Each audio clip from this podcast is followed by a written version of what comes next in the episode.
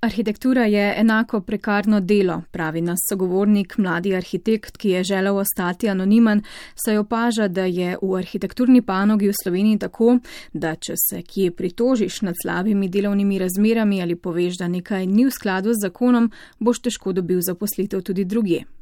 Kot veliko njegovih sošolcev z fakultete je tudi on z delom pričel že med študijem. Menil je, da bo tako po zaključku študija lažje prišel do službe. Enomesečno prakso pa je upravljal tudi v okviru študijskega procesa. V študijskem programu je obvezna enomesečna praksa, da greš delati v neko komercialno podjetje, ki je na trgu. Vse super, fajn. Ampak po večini v času, ko sem to delal, se je pričakovalo in je bilo zelo iskreno povedano, lahko delaš, ampak plačati pa ne moremo. No, ne da ne moremo, ampak ne bomo, ker si to lahko privoščimo. Za pojasnilo, kje so razlogi, da to vrstno delo ni plačano, smo se obrnili na špelo videčnik iz Office arhitektov, kjer sicer pravijo, da vse svoje študente, tudi tiste na krajši praksi, plačajo. To je v bistvu zelo kratko obdobje. Od tega enomesečnega dela pač on ima, bom rekla, vsaj toliko, da vidi, eh, kako dejansko vsakdanje delo v biroju poteka. Mi pa v bistvu kaj dosti od tega nimamo, če sem čisto iskrena, zato ker se pač malo nauči, ker se mečka nopele, takrat je v bistvu ta, ta obdobje že zaključen. Tina Gregorič iz Dekleva Gregorič arhitekti pa dodaja, da so tudi v tujini prakse različne.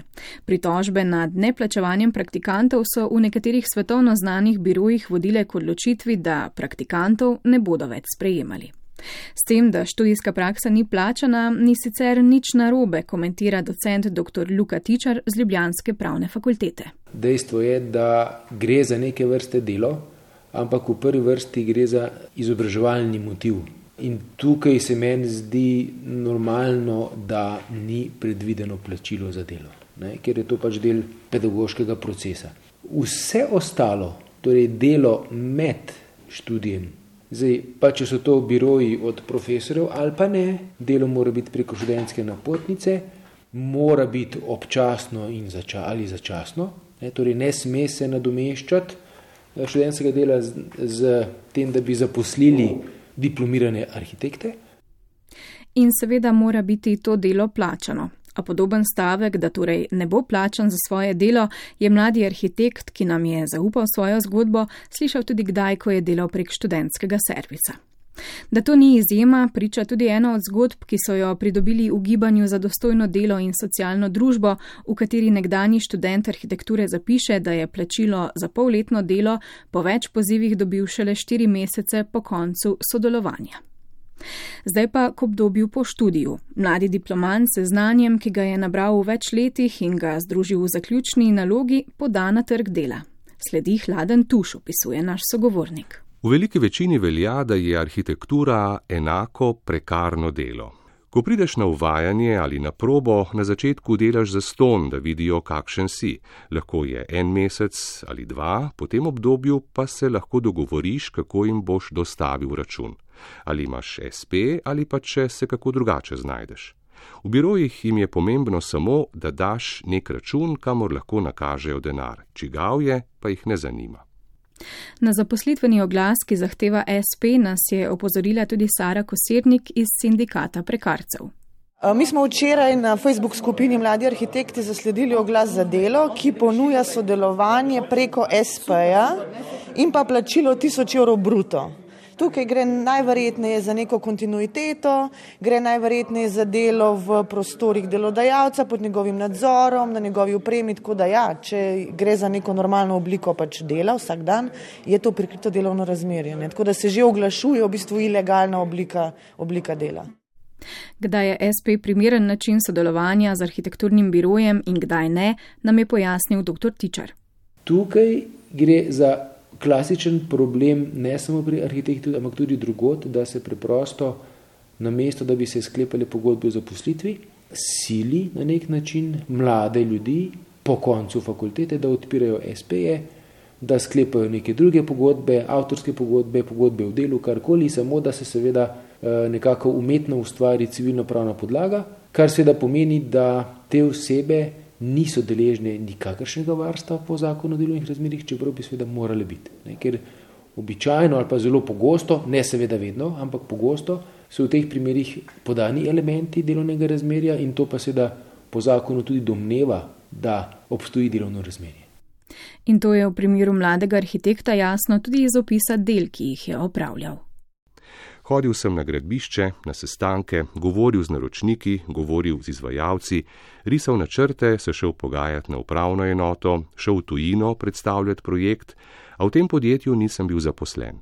Rekli so mi, da naj si uredim en bančni račun za nakazilo denarja. Na pomoč so priskočili kolegi. In takšno stanje je razlog, da v birojih od mladih arhitektov včasih zahtevajo tudi do 24-urno delo nadaljuje. Dela se do 4, 5, 6, 7 popoldan, kakor ima pisarna urnik. Potem se lahko potegne pol ure. Če je na tečaj, se potegne 12 ur in potem je spet jutro in spet delaš. Lahko delaš tudi 24 ur v kosu. Imaš vmes malico in kosilo, nimaš pa spanja. Tisti, ki niso na urnih postavkah, seveda nimajo dodatno plačanega nadurnega dela. Zgodbo komentira Andrej Zorko, izvršni sekretar Zveze svobodnih sindikatov Slovenije za pravna in sistemska vprašanja. Kot je iz te zgodbe videti, videti je dejansko gre za ekonomsko odvisnost. Kaj pomeni to, je, da sam SP, veste, sam po sebi to ni nezakonito. Če ti seveda to je v okviru SP, prosto deluješ na trgu in nisi odvisen samo od enega naročnika, to je neke storitve. V tem konkretnem primeru sem pa pripričan, to je, da gre za zlorabo zakonodaje, zlorabo instituta samostojnega podjetnika in da bi, bila, da bi bilo potrebno skleniti to pogodbo o zaposlitvi. Kršitve 13. člena zakona o delovnih razmerjih, ki govori o prikritih delovnih razmerjih, je mogoče prijaviti na inšpektorat za delo. V dejavnosti arhitekturnega in tehničnega projektiranja takšnih kršitev v zadnjih letih niso ugotovili, nam je povedala Jerica Preskar. Glede na to, koliko se v tej prekarnosti govori, dejansko na inšpektoratu ugotavljamo, da število prijav v zvezi s tem je pa zelo majhno in uh, ne prejmemo večjega števila, ki bi upozarjali na to vrstne kršitve. Naš anonimni sogovornik pravi, da inšpektorjev v birojih, kjer je delal na črno ali prek SP-ja, ni videl nikoli. Povdarja, da zaposlitev za določen ali nedoločen čas za mlade arhitekte praktično ni. Nasprotno, Špela Videčnik iz Office arhitektov pravi, da je zdaj idealen čas za mlade arhitekte. Zdaj le, v tem času, letos, je priložnosti ogromen. Zaradi tega, ker je dela zelo velik in v bistvu je zelo težko dobiti nekoga, ki ima neko znanje, ki ima neko izkušnje, ki recimo zna vsaj nekaj dobro, ali je to 3D, ali recimo zna detajle risati izvedbene, ali zna, ne vem, narediti gradbeno dovoljenje. Tako da, če nekdo tako znanje ima, absolutno lahko danes, lahko to jaz rečem, službo dobi, ker je v bistvu povpraševanje veliko. Če bi me vprašala to leto pa pol ali pa dve leti nazaj, ker je bila velika kriza na trgu, bi bil pač verjetno odgovor pač drugačen. Takrat je res bila kriza, ampak zdaj le v bistvu tisti, ki ne dobi službe, pač uh, sigurno ni razlog v tem, da je premalo popraševanja. V njihovem biroju je sicer pet redno zaposlenih ter štiri ali pet študentov. Zunanje izvajalce, podjetja, ki so zadolžena za statiko, inštalacije, včasih interjer, najemajo odvisno od projekta, je še dejala Videčnikova. Drugačno stanje pa nam je orisala Tina Gregorič iz Dekleva Gregorič Arhitekti.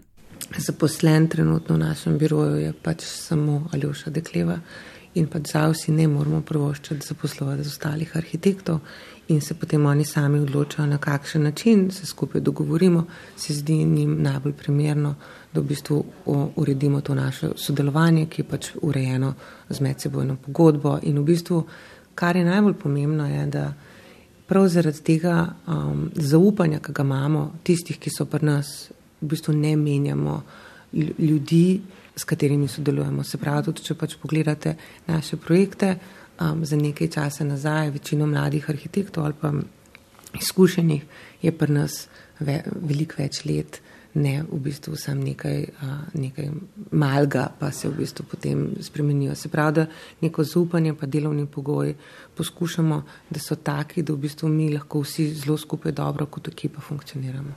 Za zaposlovanje pa se ne odločajo, ker? Da so pogoji v Sloveniji za arhitekturno produkcijo zelo, zelo slabi. Mislim, trenutno se gospodarska situacija sicer izboljšuje, ampak so recimo način, recimo pravniki, zobozdravniki, zdravniki imajo v Sloveniji definirano višino plačila za njihovo delo, arhitekti ga nimamo. Iz tukaj ven v bistvu izhaja osnoven problem relevantnega plačevanja tako strokovnega dela, ki ga mi vsi upravljamo kot arhitekti. Tudi dejstvo, na kakšen način v Sloveniji arhitekturni natečaji potekajo, je v bistvu zelo slabo, tako za študente, tako za mlade arhitekte. Kot za nas, ki smo v bistvu že imamo recimo, neko delo, s katerim bi se lahko izkazali in bi lahko drugače funkcionirali. Se pravi, recimo v Franciji se ti pač prijaviš na natečaj in če te izberejo, v Belgiji tudi, in če te v bistvu izberejo kot nekoga, ki bo ta natečaj dejansko delal, dobiš ti za to plačilo. V Sloveniji tega ni, se pravi, da vsak natečaj, ki se odločiš, veš, da boš v bistvu ta denar načeloma zgubil, v svoj vložek bo zastojen, če ne bo slučajno srečen in se bodo stvari vse poklopile in boš v bistvu natečaj zmagal. Recimo, jaz nisem bila nikoli zaposlena do tega trenutka, ko sem profesorca um, v nobenem biroju za določen ali pa nedoločen čas. Nam je bilo to zelo jasno kot študentom arhitekture konec 90-ih, um, da v bistvu ne bomo zaposlitve dobili in da moramo pač na drug način um, uresničiti svoj poklic. Ne. Tako da jaz mislim, da vkolikor bi se te um, pogoji, ki jaz jih pač zelo lahko dobro primerjam z pogoji arhitekturne produkcije v Avstriji ali pa pač recimo v Švici, ki je dobro zelo nerealno ali pa recimo v Franciji, um, bistveno izboljšali za vse arhitekturne biroje, bi se v bistvu, se pravi, višina plačila za dejansko upravljeno delo, ker to odgovornost je nenormalno visoka, um, da bi se v bistvu res definiran tudi način, kako pač do tega dela prideš, če pride do nekih javnih naročil, kar so v bistvu javni natečaji.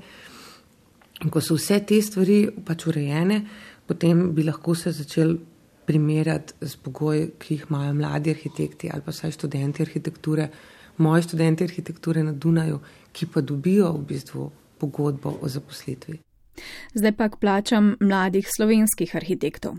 Nas sogovornik pravi, da so te podobne plačam prodajalku v trgovskih verigah in nadaljne razloži. Vsi plačujejo minimalne prispevke. Tudi če dobiš plačo, je to prikazano tako, da je naprimer delež kilometrine večji, pa zavarovanje manjše. Ko plačaš prispevke, si na manj kot na povprečni slovenski plači, kjer so zajeti vsi, recimo tudi čistilke, pa z vsem spoštovanjem do njihovega dela. Tam so delavci v proizvodnji, ti pa imaš mogoče magisteri ali univerzitetno izobrazbo, si pa v istem sranju na koncu. Komentira Tina Gregorič. Mislim, jaz vam ne morem zdaj nobene številke seveda povedati. Mislim, vse to je to kompleksno vprašanje in ta kompleksen projek, problem, ki ste ga vzpostavili. Mislim, da arhitekturna situacija v Sloveniji ne bi smela dopuščati, da mlad arhitekt s tremi leti delovni izkušenj ima možnost edino minimalne plače. Mladi arhitekt nas je opozoril še na dva načina nižanja stroškov dela v arhitekturnih birojih. Najprej status kulturnih delavcev. Obstajajo biroji, kjer so praktično vsi kulturni delavci. Ampak kulturni delavci, ki delajo v biroju, ki želi imeti profit, Država tem plačuje prispevke. Tisto, kar bo delodajalec dal, torej pade v žep, ni potrebno še plačilo prispevkov. Drugi način pa je najem tujih študentov, ki pridejo na eno od Erasmus praks. V času, ko je bil problem izkoriščanja slovenskih študentov prvič medijsko izpostavljen, je bil tak bav bav. So rekli, dajmo ne vzeti slovenskega študenta, ampak tujega, da ne bodo slovenski študenti spet kaj grdega povedali o nas pa ni, da so si oni izmislili, ampak ni se jim zdelo prav in so na to opozorili, kar je edino pravilno. Študenti na Erasmus praksi sicer dobivajo štipendijo in so, po mojem mnenju, nelojalna konkurenca. Plače posebej in biroji načeloma ne nakažejo, delajo. Skoraj za ston. Da tujih študentov na praksi res ne plačajo, je dejala tudi Špela Videčnik iz Office Arhitekti, ki odločitev opravičuje takole.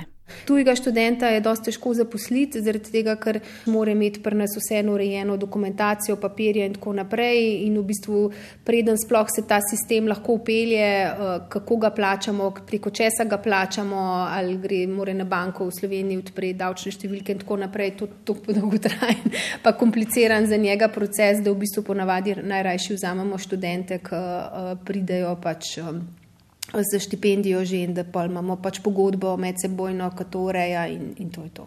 To pomeni kaj, da niso plačeni, oziroma da je štipendija plačena? Štipendije so ponavadi tako visoke, prav pazimo, da, da vzamemo take, da v bistvu jim pač pokrije to kot plačo. Ja. Vi pa stroškov potem z njimi eh, svojih odhodkov nimate? Ne, ne, ker tako kot sem rekla, v bistvu smo v preteklosti smo recimo skušali, da plačujemo še poleg tega, ampak v bistvu je to pomenil, zdaj ne vem, zdaj ne spremljam skozi zakonodaje, ampak vem, da smo imeli s tem, smo se en mesec pravzaprav ukvarjali sploh z njim, da se je znajdu, eh, da se je znajdu kako odpreti bančni račun, davčno številko. Da tujci niso nelojalna konkurenca, je prepričana tudi Tina Gregorič, ki pravi, da gredo v tujino le najbolj ambiciozni študenti. Razprave o neprimernosti neplačenega pripravništva, ki se odvijajo tudi v tujini, pa jim to možnost le onemogočijo in ne prinesejo nobene druge koristi, še pove.